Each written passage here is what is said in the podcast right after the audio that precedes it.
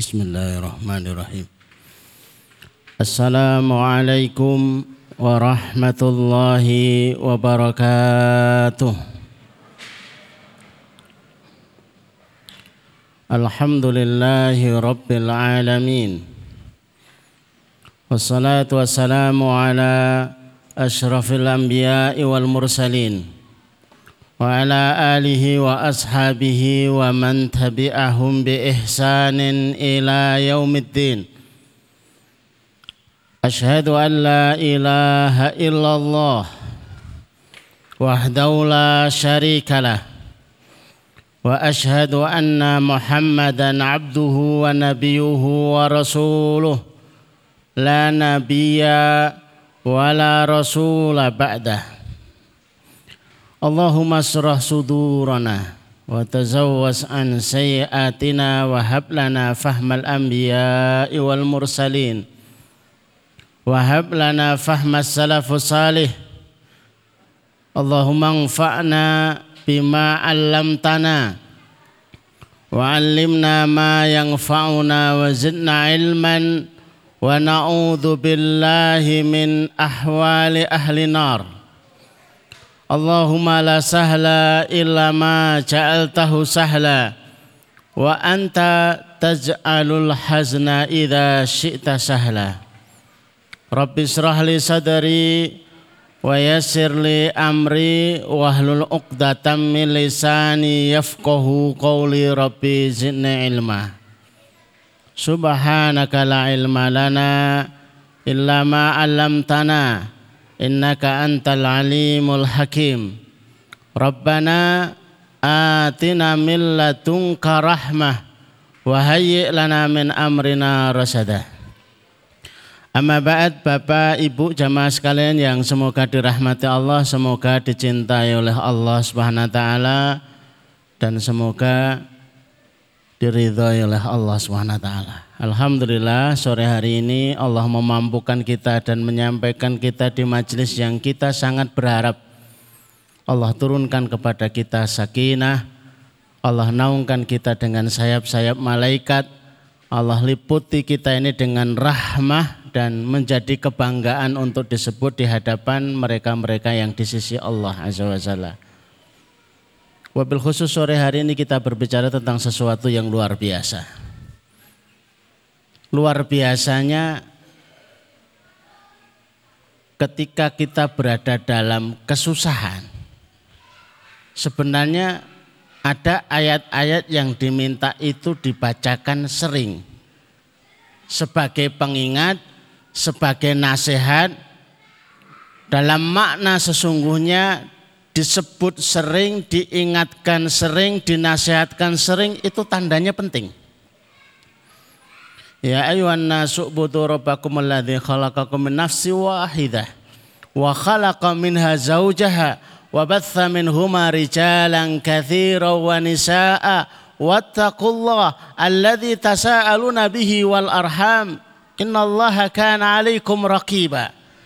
Bagi para ibu-ibu ini tidak terlalu sering terngiang tapi bagi bapak-bapak ini menjadi sebuah syarat untuk didengar, syarat untuk disampaikan pada hari Jumat. Ayatnya begitu hangat menyapa setiap mereka yang hadir di dalam majelis Jumat. Bahwa peranan silaturahim ini luar biasa. Kalau ada nabi yang begitu istimewa, karena amalannya Salah satunya ya amalannya ya karena silaturahim. Di antaranya Nabi Su'aib. Laula rahtu kala rojamnak. Kalau bukan karena kerabatmu, kalau bukan karena keluarga besarmu, kami merajamu. Kalaulah bukan karena Banu Hashim yang melindungi, yang menjaga Nabiullah Muhammad Sallallahu Alaihi Wasallam, maka dakwah ini tidak sampai kepada kita. Sesering yang kita dengar di beberapa majelis, man yuridu dalam matan yang lain, man yuridu siapa-siapa yang ingin ayan sya'alahu fi rizki, diluaskan rizkinya. Kalau berbicara tentang silaturahim dahsyatnya itu pasti pada rizki. Yang kedua yu akhiralahu fi ajalihi dan diakhirkan ajalnya artinya panjang usia. Baik usia secara maknawi ataupun apa itu usia secara hakiki. Ada yang secara usia hakikinya memang panjang. Sehingga ada satu kota di Amerika itu rata-rata usia penduduknya itu panjang ketika disurvei ternyata penduduknya ini suka saling mengunjungi. Dan bukan sesuatu yang aneh kenapa orang tua-orang tua kita, mbah-mbah kita usianya lebih panjang daripada orang-orang hari ini. Ada yang menyoroti terkait dengan makanan dan pola hidupnya. Tapi justru yang sangat kami soroti adalah pola silaturahimnya. Hari ini pakai WA itu dirasa sudah cukup. Para ibu itu menyangka HP-nya rusak. Karena nggak pernah ditelepon oleh anak. Para mbah-mbah itu merasa ada sesuatu terkait dengan HP karena nggak pernah mendengar suara cucunya atau mungkin cicitnya.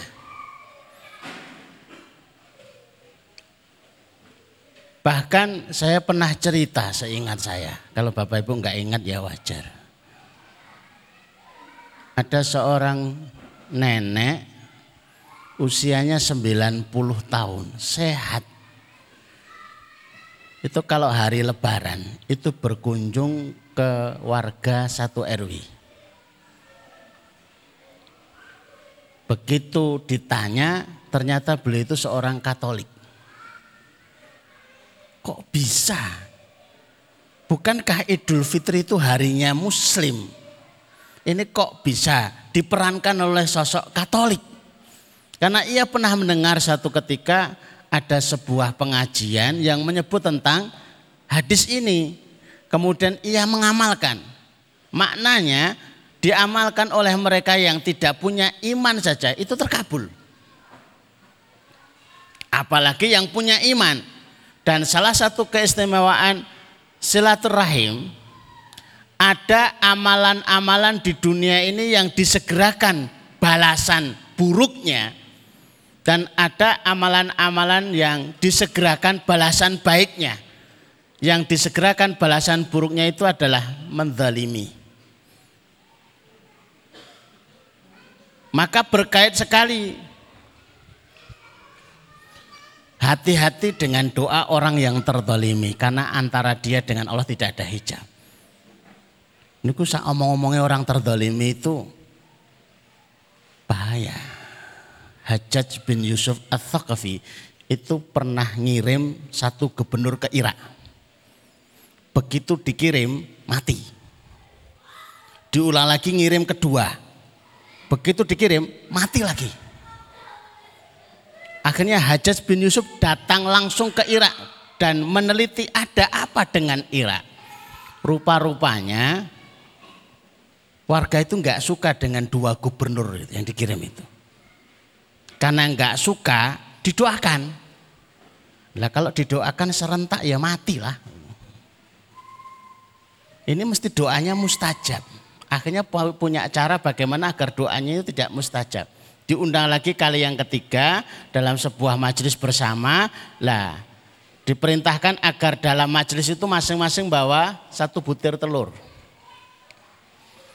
Dikumpulkan di satu tempat, begitu sudah selesai silahkan satu butir telur dibawa pulang kembali. Kan tidak mengenali satu butir telur mana yang dibawa tadi itu. Ya pokoknya asal comot kan yo alah sama-sama bulatnya gitu. Sampai warga itu dijebak kepada perkara subhat. Untuk doanya tidak mustajab. Setelah itu tidak mati lagi yang dikirim ketiga.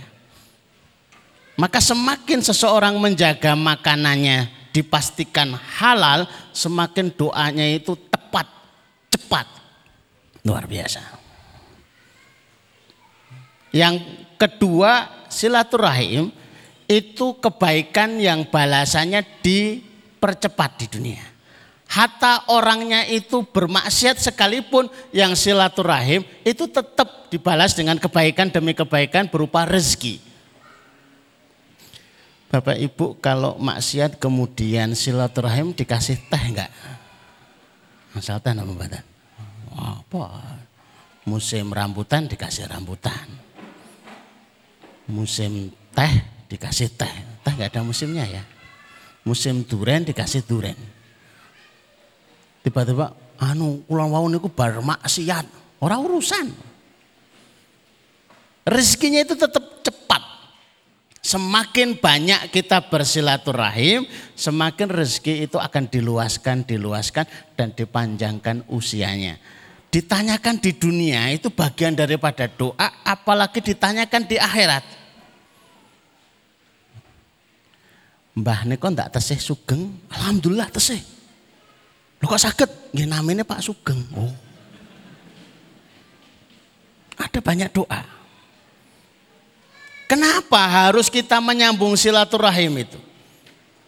Bapak Ibu yang dirahmati Allah, ada kebahagiaan yang tidak bisa dihadirkan kecuali kebahagiaan itu dengan sesuatu yang sangat dikenali.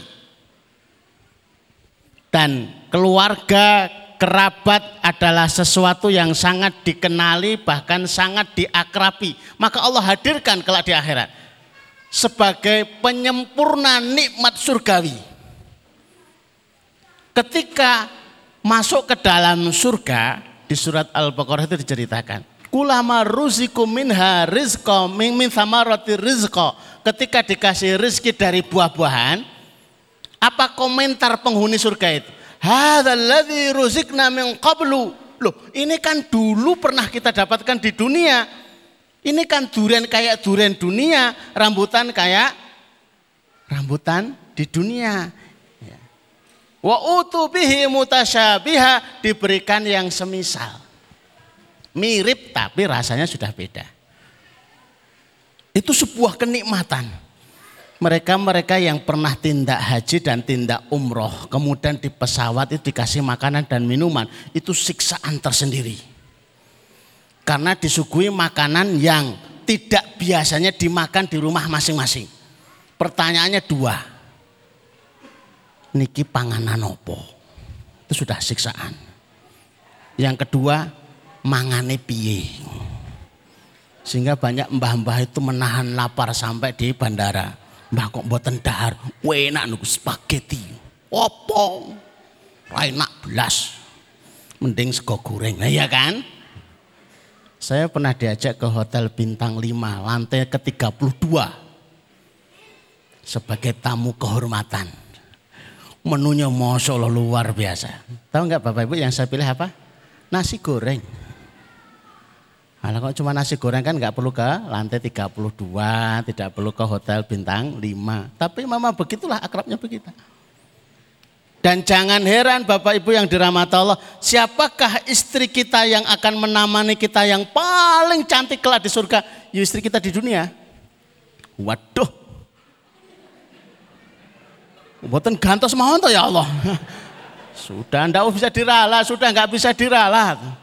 Tapi begitu sampai masuk surganya Allah, semua dipermak. Jangan khawatir Bapak-bapak. Emang yang khawatir jenengan saja. Ibu-ibu juga khawatir. Wah, lo kok ya kuwi pun nggak ganti. Telung puluh tahun, empat puluh tahun kami bersabar. Ya karena itulah jenengan masuk surga karena sabar terhadap suami itu. Lo kok iki meneh. Dia akan dipermak, dikembalikan wujud yang terbaik dalam ciptaan Allah SWT. Kalau langsung diberikan yang dari bidadari, itu nggak ada asiknya. Jenengan cerita nopo. Ngerti lagi? Alun-alun. Alun-alun itu apa? Aduh. Ono ono jagung bakar. Nggak ngerti itu. Desa. Loh, bidadari nggak ada desa, nggak ada kuto. Kenangannya nggak ada nggak ada bekas wudhunya, nggak ada tahajudnya, nggak ada lelahnya tilawah. Sedangkan istri-istri kita di dunia itu ada bekas-bekas amal solehnya. Itu yang menarik dan itu yang asik. Kelingan ra, yo ngerti kelingan. Ini tilawah kan gini ngantuk. Walah kono ya podo. Nah, itu ada rekamannya begitu ya. Kita masuk ke materi karena waktunya sedikit gitu ya. Sebuah perintah penting tadi sudah kami mukodimahi sehingga setiap Jumat itu dibaca. Disebut sering karena penting. Dan biasanya yang penting dan disebut sering itu sangat disahajatkan, sangat dihajatkan di saat-saat kita genting. Mobil khusus kalau lagi seperti ini coba ya, resesi mulai terasa, mulai sepi dagangan. Maka ada janji sekecil apa pun pegangnya dari Allah yang maha memberi rezeki. Karena itu yang kita jadikan pegangan. Bahkan ayat ini disanding dengan ayat-ayat takwa. Maknanya ini sesuatu yang luar biasa. Quran surat An-Nisa ayat 1. Ditulis saja seperti ini, tidak usah ditulis lengkap. Karena saya tidak yakin panjenengan bisa menulisnya lengkap. Ya. Oh, tadi yang dibaca tadi itu. Ya, begitulah. Seperti itu. Sampai Allah mengingatkan, perhatikan kerabatmu, perhatikan kerabatmu. Kalau Bapak Ibu pengen tahu bersodakoh itu yang nomor dua itu kepada para kerabat. Bapak, ibu itu nomor satu. Setelah itu kepada kerabat-kerabat yang lainnya. Luar biasa. Bahkan ada yang datang kepada Abdullah bin Umar. Abdullah bin Abbas, mohon maaf. Saya berdosa besar. Mungkinkah dosa kami bisa dikafaroh? Kamu masih punya ibu, sudah enggak ada. Adiknya ibu masih punya. Berbaktilah kepada adiknya ibu sebagai ganti birul walidain. Dosa besarmu bisa dihapus dengan pahala birul walidain. Bule itu punya posisi yang luar biasa. Masya Allah. Ini ayatnya ditambah dengan surat An-Nisa. Wa'budullaha wala tusriku bihi syai'ah. Kadang-kadang kita bingung prioritas. Ini ke siapa yang kita harus sambung baik. Ternyata sudah diurutkan sedemikian rupa. Itu ayat berapa? Ayat belakangnya ada. Nah. Sudah ditulis lengkap. Wa'budullaha wa la tusriku bihi syai'a. Ada sepuluh urutannya. Surat An-Nisa ayat 44 kalau tidak salah. Yang pertama setelah mengibadah Allah artinya muamalah terbaik itu kepada Allah yang prioritas.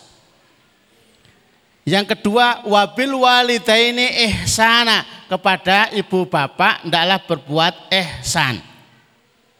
Apalagi kalau bapak ibu itu sudah sampai usia sepuh, baik salah satu atau dua-duanya, pahalanya semakin besar. Kenapa pahalanya semakin besar?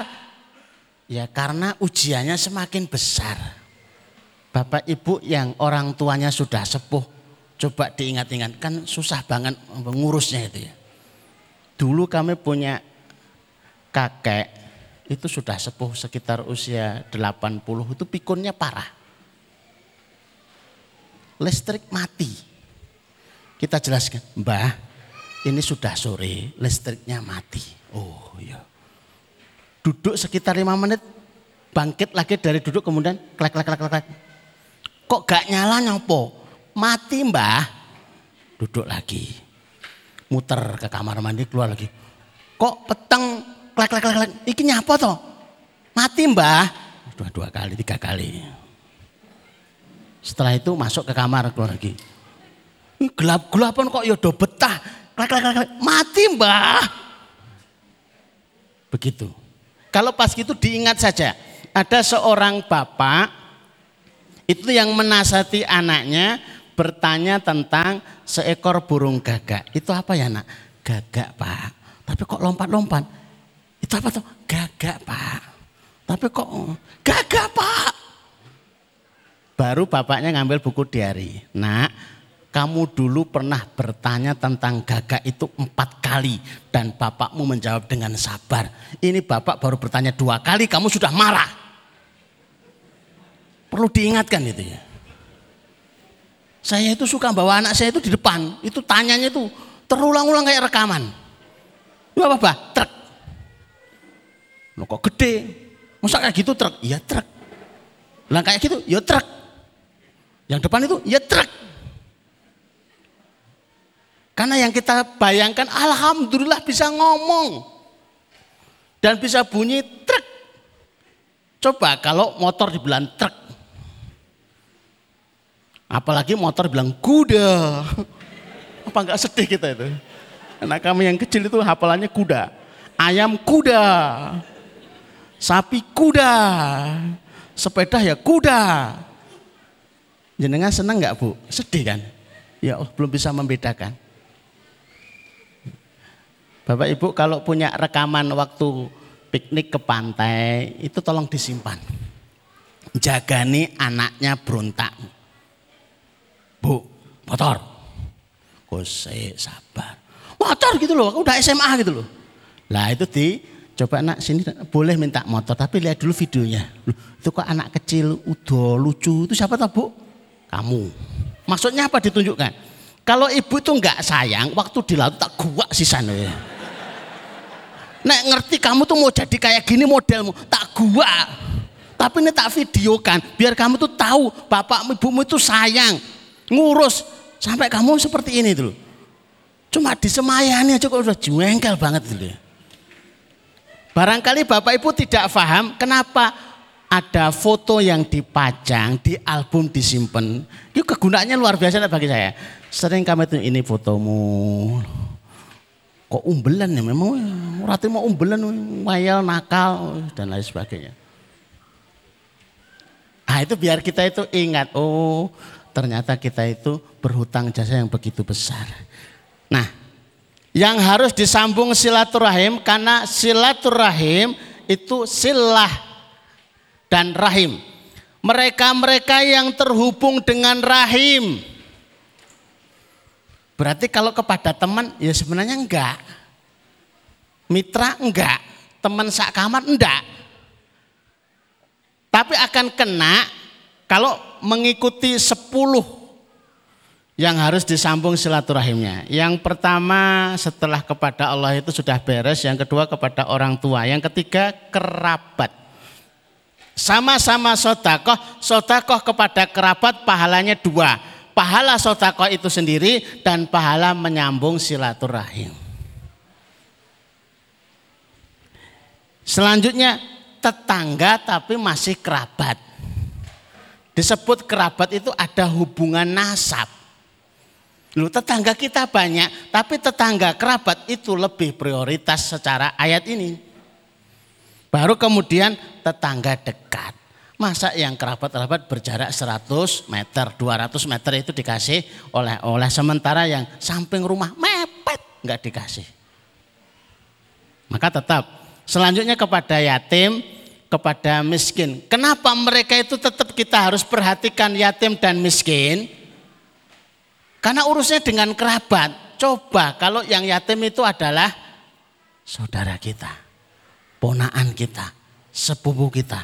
Alangkah susahnya. Kalau kita tidak bisa memerankan sebagai orang tua baginya, ya kayak kita memerankan sebagai pak leknya, sebagai pak d-nya, sebagai ya kerabat yang masih jauh Memerankan itu saja. Kemudian baru kemudian teman dekat. Dan yang kesembilan itu ibnu sabil, orang yang terputus perjalanan karena kehabisan bekal. Tapi hari ini banyak yang modus yang model kayak begitu. Iya, kenapa banyak modus? Karena tidak disiapkan rumah-rumah musafir. Padahal dahulu prioritas yang dibangun untuk bisa melayani para musafir itu adalah Baitul Musafir. Semua yang mengatasnamakan sebagai musafir boleh singgah di situ. Bahkan Baitul Baitus Syifa itu rumah sakit yang dibangun oleh Al-Ma'mun. Seingat saya. Semua yang masuk ke rumah sakit ini free dan SOP-nya selama tiga hari sakit ataupun pura-pura sakit ataupun musafir yang kehabisan sangu tapi yang mengaku sebagai sakit semua dilayani. Tapi kalau sudah tiga hari diperiksa ternyata nggak sakit baru dikasih tahu. Bapak mohon maaf, Bapak tidak sakit beneran menurut diagnosa dokter. Tapi kewajiban menyantuni mereka yang musafir itu tiga hari. Maka sekarang pulang. Pulang. Tapi masih ada perlakuan terakhirnya yang Bapak Ibu mungkin akan aneh melihat hari ini setiap tamu yang mau pulang di rumah sakit di apa itu rumah sakit itu sifatnya al makmun itu itu harus dikeramasi. Berarti mengerikan.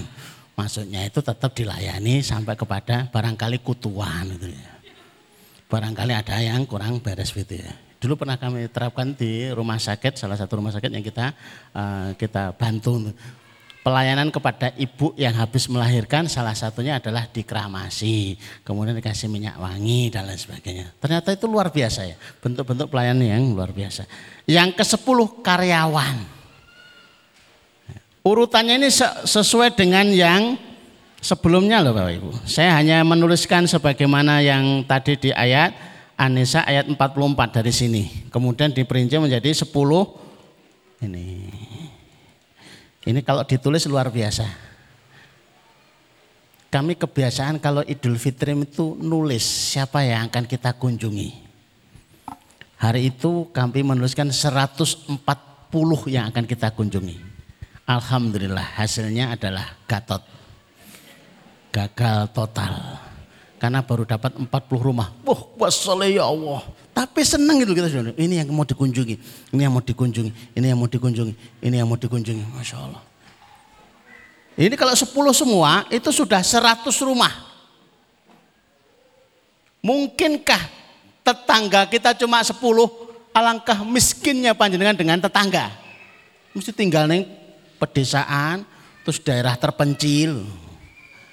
Anak perumahan padat ya nggak mungkin lah. Tetangganya banyak.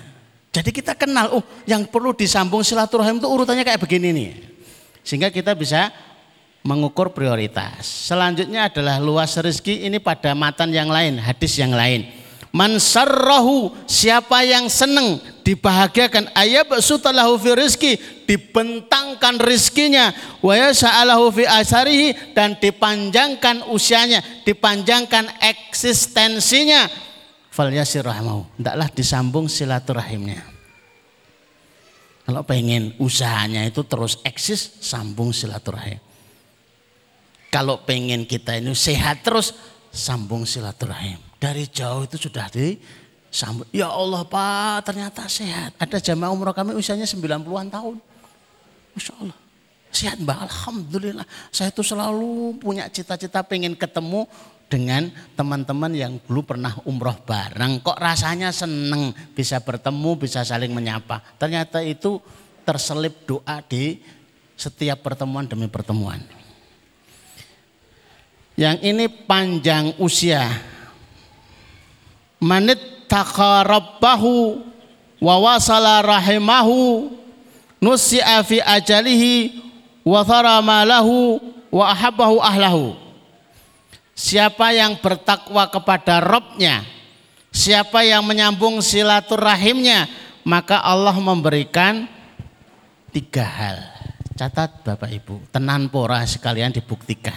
Yang pertama, ya, ajalnya diakhirkan. Hartanya dibanyakkan. Kemudian dicintai keluarganya.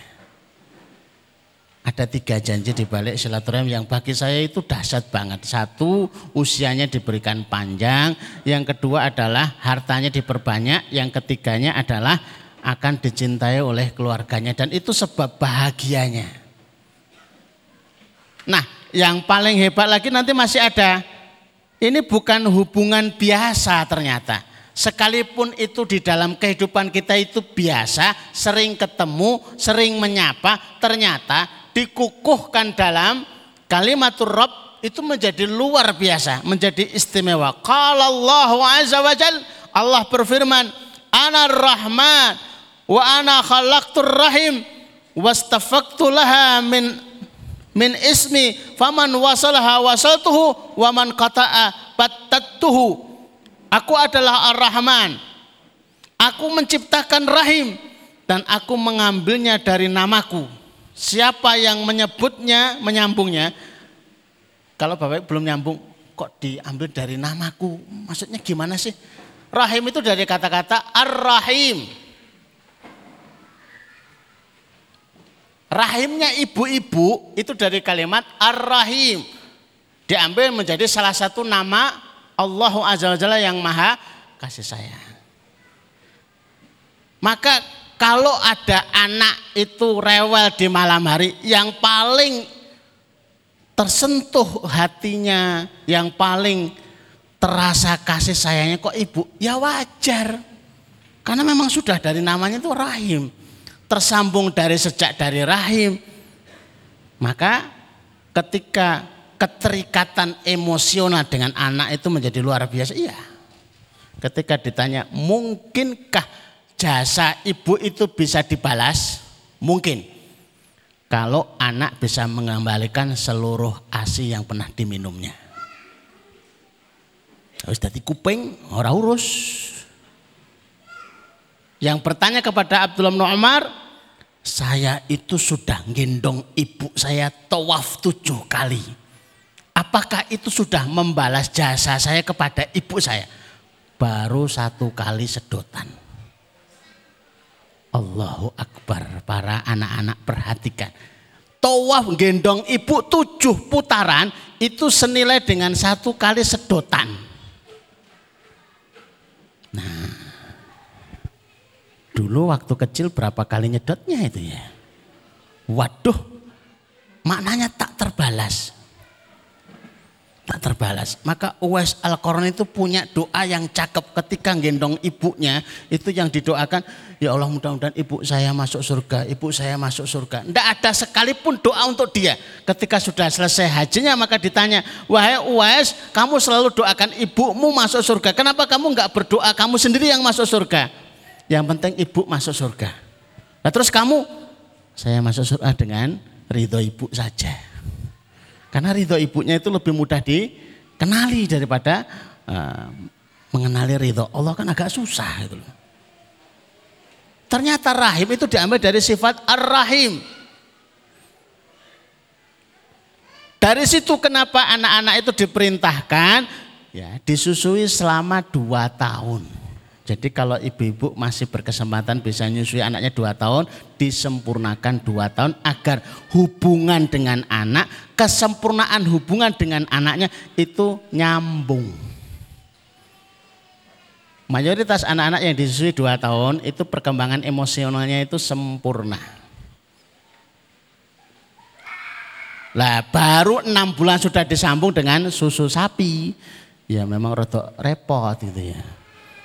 Kok tingkahnya kok ora kaya ibu eh. Ya, ibu eh ganti ya.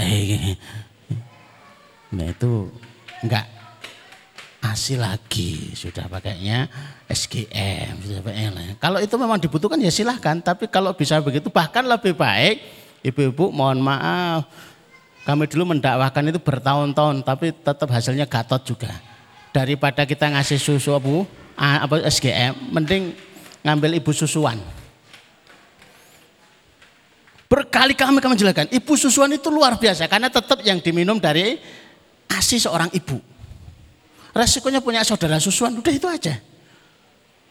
Daripada kita mengeluarkan sekian dana untuk beli susu formula, mending kita bayar ibu untuk nyusui. Dan Rasulullah punya berapa ibu susuan? Maka anak-anak kami itu ibu susuannya banyak, ada yang empat, ada yang tiga, ada yang dua, ada yang banyak ibu susuan. Karena nyuruh orang susah akhirnya praktek sendiri aja daripada repot-repot itu. Maka terikat janji karena itu ada ikatan yang kuat dengan Allah Azza wa Jalla diambil sebagai salah satu nama Allah Azza wa Jalla yaitu Ar-Rahim, maka siapa yang menyambung Allah akan sambung. Rezekinya disambung, kebahagiaannya disambung. Siapa yang memutuskannya maka akan diputuskan banyak ini. Memutus silaturahim termasuk dosa besar memutus silaturahim termasuk dosa besar. Maka sebisa mungkin kalau seseorang bisa nyambung silaturahim luar biasa. Selanjutnya balasan yang disegerakan. Ma min dzambin ajdaru ayu ajjalallahu ta'ala li sahabihi al-uquba fid dunya ma'a ma yadakhiru fil akhirah mithl al-bagi wa qati'atir rahim tidak ada dosa yang lebih pantas untuk disegerakan balasannya bagi para pelaku di dunia ini berikut dosa yang disimpan untuk di akhirat. Di dunianya disegerakan, di akhirat masih disisahkan, tetap dapat hukumannya. Daripada perbuatan melampaui batas kedaliman dan memutus silaturahim. Allahu karim. Ada seorang bapak ketemu kami, Ustaz. Saya itu nggak punya salah kerja di kantor. Tiba-tiba kok dipersalahkan. Akhirnya ikut digeret ke persidangan. Dan diputuskan saya harus dipenjara. Adakah solusi untuk bisa selesai dari seperti ini? Ibumu masih? Masih Ustaz, pulang. Tapi besok itu masuk penjara Ustaz. Ora urus, masih ada waktu kan? Masih pulang. Ngapain? Sungkem. Nangis, minta maaf dan minta diridhoi. Kalau sudah ridho, minta didoakan. Malam itu dia keroyo-royo, saya tidak tahu rumahnya dengan tempatnya itu berapa jauh, tapi pulang betul. Kemudian sungkem, nangis, minta diridhoi, minta restunya. Setelah itu doakan kami ibu, doakan kami ibu. Setelah ridho doakan. Walhasil besok nggak masuk penjara. Sudah diputuskan oleh hakim nggak masuk penjara. Dan kita sudah berapa kali di sini ada beberapa jamaah itu yang seperti itu ya. Alhamdulillah ya dengan izin Allah swt dia harus masuk penjara, kasusnya diseret-seret. Ibunya masih pulang ngomong sama ibu sungkem, ibu ada kebaikan apa yang saya harus lakukan dengan itu ibu ridho. Ya ibu ridho nek umroh. Wah, kok ya sing larang to Bu? Jareke kon milih gitu. Sudah umrohkan. Apa nggak punya uang? Ya sudah komitmen dulu. Nanti kalau sudah punya uang baru diberangkatkan. Enggak jadi. Kasusnya enggak jadi diteruskan. Allahu Akbar. Luar biasa. Seorang ibu itu ternyata punya luar doa yang luar biasa. Maka ibu-ibu yang dirahmati Allah jangan mendoakan anak-anak kita kecuali memastikan ridho kita sudah sampai kepada mereka. Karena doa anak-anak kita tertahan oleh keridhaan kita sekalian. Ridho Allah, firidhal walidain. Ridho Allah itu nunggu ridhonya Bapak Ibu yang dirahmati Allah. Jadi kalau ibu-ibu itu, anak saya kok ngafal Qur'annya susah. Dan jenengan itu enggak? Jangan itu ya ora san, jengkel ke kon atus ya wangel. Jangan, Sekedar SMS ora gelem, WA ya ora gelem, jian. Enak mulai ke pondok ngentek-ngenteki dalilian atau fatu minal iman. Wah kabeh dipuangan itu krik itu. Oh. Terus jenengan ndongaan apa? Ben hafal Quran. Angel. Angel, angel ridhoi dulu baru doakan. Dan jadikan itu menjadi kebiasaan wahai para anak yang dirahmati Allah meminta apa-apa kepada Allah jadikan wasilahnya itu adalah ridho ibu-ibu dan bapak-bapak kalian. Ini akan jadi jadi dahsyat yang luar biasa. Menjadi sesuatu yang luar biasa. Hatta Nabiullah Musa itu pernah berdoa, ya Allah siapa yang akan menjadi jodohku kelak di surga. Dongone kok ya sing aneh-aneh. Kayak gini jangan diikuti loh Pak. Nanti ketemunya sing ora pas malah lo kok iki ngono. Wong Nabiullah Musa aja juga ketemunya gitu. Anak yang kalau secara kualitas itu untuk menjadi istri Nabi itu urung pantas itu. Nggak berkelas itu. Masa iki kan di surga nanti gitu loh. Tapi masa kayak begini loh.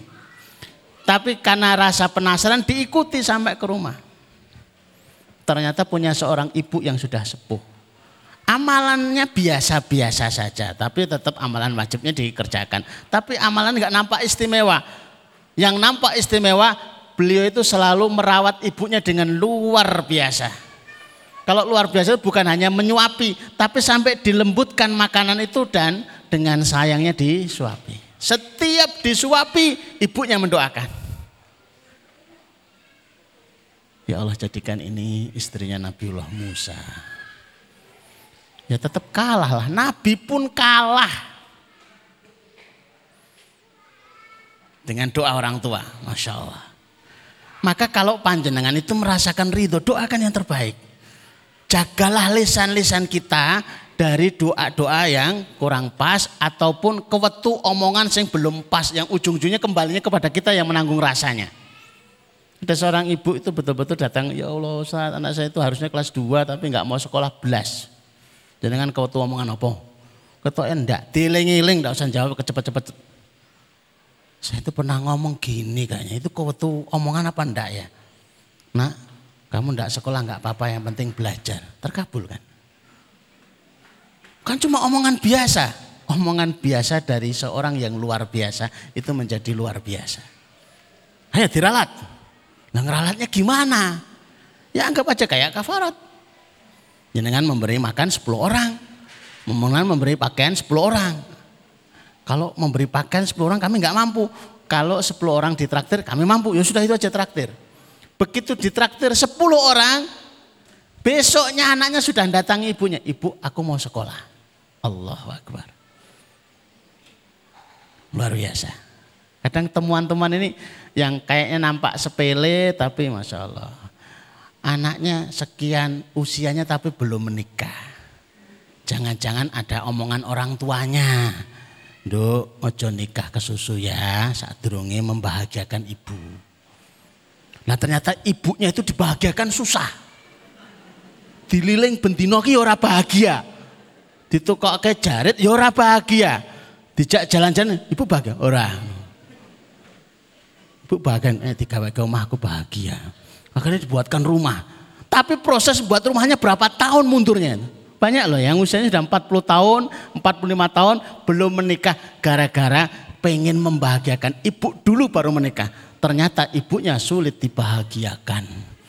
Status ibunya jenis angel. Ini bahagia susah. Penting dibatalkan aja kemudian dibayar nadarnya. Nah ini puncaknya ya. Surat At-Tur. Untuk melengkapi kebahagiaan kita Bapak Ibu panjenengan kelak dimasukkan surga itu pakai bendera keluarga.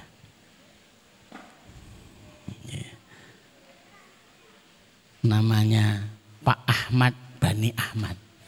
Walladzina amanu wattaba'athum dzurriyyatahum biimanin. Mereka-mereka yang beriman diikuti anak, cucu, cicit sampai ke bawah. Biimanin dengan iman pula al-haq nabihim. Kami akan susulkan menjadi sebuah keluarga besar. Saling ngabsen ini ini anak ini, cucu ini, di absen semuanya. Maka berbahagianya kalau ada di antara anak, cucu, cicit. Ada yang hafal Quran enggak? Ada. Alhamdulillah. Alamat ada. Peluang 70-an syafaat dari anak ini. Ada yang soleh enggak? Ada. Alhamdulillah. Ada peluang syafaat selanjutnya. Ada yang syahid enggak? Ada. Ada peluang mendapatkan syafaat lagi. Tetung maka kalau ada acara reuni keluarga itu bukan hanya acara intinya itu acara makan-makan, tapi ngitung berapa jumlah kerabat kita. 210 sesuai dengan registrasi keluarga Bani Fulan. Berarti setidaknya dibutuhkan yang bisa memberikan syafaat sekian. Harus ada anak-anak kita, cucu-cucu kita yang harus hafal Quran. mondok buatan mondok buatan. Mondok buatan. Nek mondok tak tukok ke TV oh buatan kula buatan sah TV dan apa kula mobil mawon. Eh mobil. Perlu dikasih hadiah. Biar mau mondok biar bisa hafal Quran karena kita sedang nyetok jumlah pemberi syafaat. Alhamdulillah wis 10 dan biasakan jadi sebuah rutinitas yang luar biasa. Yang hafal Quran, Alhamdulillah ada keluarga kita yang hafal Quran, calon pemberi syafaat, yuk barang-barang kita kasih hadiah. Kira-kira apa hadiahnya? Barangkali ada jam tangan, dikasih pulpen, dikasih sangu. Sehingga tercipta sebuah kebiasaan keluarga, mereka yang hafal Quran itu senang. Kamu nanti mau jadi apa? Penghafal Quran. Lah kenapa? Enak, tiga i motor, tiga i jam, dikai uang, dikasih sangu. Jadi ada uh, kenangan baik. Bapak Ibu yang dirahmati Allah, selesai materi kita. Ini pintu syafaat. Wa ma minan nasi min muslim, ma minan nasi min muslim yutafa lahu thalath lam yablughul khayran hithana hintha illa adkhalahu Allah jannah bi fadli bi fasli rahmati iyahum. Tidaklah seorang muslim yang ditinggal mati oleh tiga anaknya. Yang belum balik kecuali Allah akan mewajibkan ke memasukkan ke dalam surga dengan rahmat yang Allah berikan karena rahimnya itu tadi. Saya yang hafal hadis yang lain. Manibtuliyamin banatin. Siapa yang diuji dengan kematian tiga putrinya. Ibu-ibu yang sudah punya anak kemudian diambil, ya sedih. Tapi sebenarnya ada penghiburnya. Wajabat lahal jannah. Ibu yang ditinggal tiga putrinya, ada yang tanya kalau putra gimana? Pokoknya telu hukumnya ibu ini masuk surga wajib. Wah, anak loro kurang siji. Walaupun sewidak tahun orang urus, dalilnya ya dalil begitu. Anak asuh, anak angkat kan masih bisa. Wajabat lah jannah. Ya sedih, siapa yang diambil putrinya atau putranya Allah bertanya kepada malaikat, apakah sudah kamu ambil yang menjadi buah hatinya? Iya. Apa yang dilakukan? Ia bersabar dan memujimu. Bangunkan untuknya rumah dan kasih nama Baitul Hamdi, rumah pujian. Kalau ibu-ibu pernah ketemu dengan kami dan sering berbincang, ibu-ibu pernahkah punya mimpi diberikan sebuah rumah? Wabil khusus kalau ada putrinya sudah meninggal, biasanya ada yang dikasih mimpi rumah. Ada yang disegerakan kebahagiaan itu. Ya, satu sisi punya putra banyak itu ya sedih repotnya. Cili-cili gitu ya. Tapi satu sisi ada nikmat yang luar, pemberi syafaatnya banyak. Ibu-ibu yang seperti ini kan luar biasa anak-anaknya ini dalam sebuah athar. Waktu kami masih ya. ya. Ceritanya ini cerita tragis. Ada seorang bapak yang merawat anaknya luar biasa, tiba-tiba anaknya kecil masuk ke pawon, mati. Yang kedua masuk sumur, mati. Yang ketiga itu jatuh ke mana, mati lagi. Sedihnya bapak luar biasa. Tapi kemudian dia itu dapat mimpi. Ketika masih ada anaknya satu, bapaknya dapat mimpi. Dia itu harus meniti sirat. Dia hampir jatuh ke kanan, anaknya nyegati. Bapak kami yang jaga. Ketika mau jatuh ke kiri, bapak kami yang menjaga.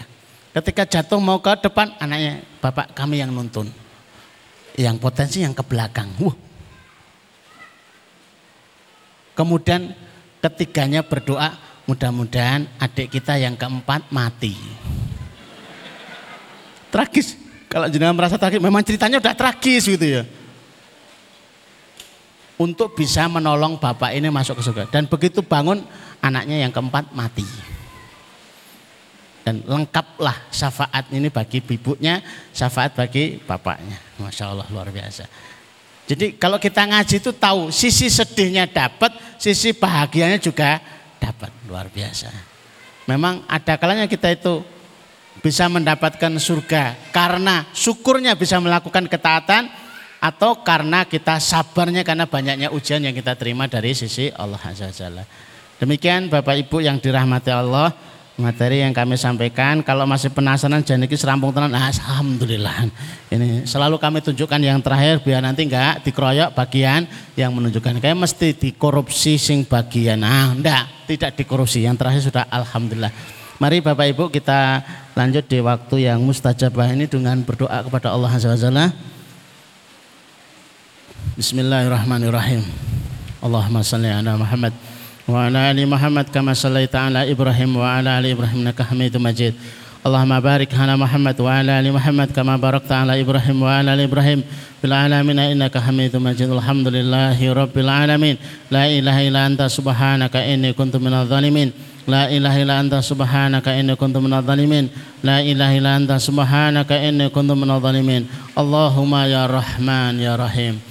يا حي يا قيوم يا ذا الجلال والإكرام اللهم يا رحمن يا رحيم يا حي يا قيوم يا ذا الجلال والإكرام اللهم يا رحمن يا رحيم يا حي يا قيوم يا ذا الجلال والإكرام اللهم بارك لنا في أهلنا وبارك لنا في أموالنا وبارك لنا في مكاسبنا وبارك لنا في أوقاتنا وأعمالنا يا رب العالمين Ya Allah berkahilah keluarga-keluarga kami Ya Allah berkahilah harta-harta kami Ya Allah berkahilah usaha-usaha kami Ya Allah berkahilah waktu dan usia kami Berahmatika ya arhamar rahimin Allahumma inna nas'aluka min khairin ma sa'alam nabiyuka Muhammad sallallahu alaihi wasallam wa na'udzubika min syarri ma sta'adam nabiyuka Muhammad sallallahu alaihi wasallam. Antal musta'an alaikal balak wa la haula wa la quwwata illa billah. Ya Allah sesungguhnya kami memohon seluruh kebaikan yang pernah dimohon oleh nabi kami sallallahu alaihi wasallam. Ya Allah sesungguhnya kami memohon perlindungan dari seluruh keburukan yang pernah dimohon perlindungan oleh Nabi kami sallallahu alaihi wasallam. Engkaulah tempat kami meminta, engkau yang menyampaikan segala urusan. La haula wala quwata illa billah. Allahumma bi hurmati yaumil jum'ah Allahumma bi hurmati hadi bi hurmati hadi yaumul jum'ah ikfir lana dunubana warfa' qurbatana bi rahmatika ya arhamar ya Allah. Dengan kehormatan hari Jumat menurutmu dan menurut nabimu maka ampunilah dosa-dosa kami dan angkatlah masalah-masalah kami bi rahmatika ya arhamar rahimin. Allahumma Allahumma dzib hammana Allahumma dzib hammana Allahumma dzib hammana ya Allah angkatlah masalah-masalah kami Ya Allah selesaikan urusan-urusan kami birahmatika ya arhamar rahimin. Allah maghfirna bihalalika an haramika wa agnina bifadlika amman siwaka. Allah maghfirna bihalalika an haramika wa agnina bifadlika amman siwaka. Allahumma kfina bihalalika an haramika wa agnina bifadlika amman siwaka. Ya Allah cukupkan kami dengan yang halal sehingga kami tidak berselera dengan yang haram. Ya Allah kayakan kami dengan anugerahmu sehingga kami tidak butuh kepada selainmu birahmatika ya arhamar rahimin. Rabbana hab lana min azwajina wa dzurriyyatina qurrata a'yun waj'alna muttaqina imama. Allahumma inna nas'alukal huda wat tuqa wal afafa wal ghina. Allahumma inna nas'aluka amalan baran wa rizqan daran wa aishan wa qaran ya Allah anugerahkan kepada kami amalan yang baik-baik rizki yang mengalir kehidupan yang tenang tenang, kehidupan yang tentram birahmatika ya arhamar rahimin. Rabbana atina min ladunka rahmah wa hayyi lana min amrina rasada. Rabbana atina min ladunka rahmah wa hayyi lana min amrina rasada. Rabbana atina min ladunka rahmah wa hayyi lana min amrina rasada. Rabbana atina fid dunya hasanah wa fil akhirati hasanah wa qina adzabannar. Rabbana atina fid dunya hasanah wa fil akhirati hasanah wa qina adzabannar. Rabbana atina fid dunya hasanah wa fil akhirati الآخرة حسنة وقنا عذاب النار وقنا عذاب النار وقنا عذاب النار وصلى الله على محمد وعلى آله وصحبه وسلم. سبحان ربك رب العزة عما يصفون وسلام على المرسلين. والحمد لله رب العالمين. أقول قولي هذا نستغفر لكم. سبحانك اللهم ربنا وبحمدك أشهد أن لا إله إلا أنت أستغفرك وأتوب إليك. السلام عليكم warahmatullahi wabarakatuh.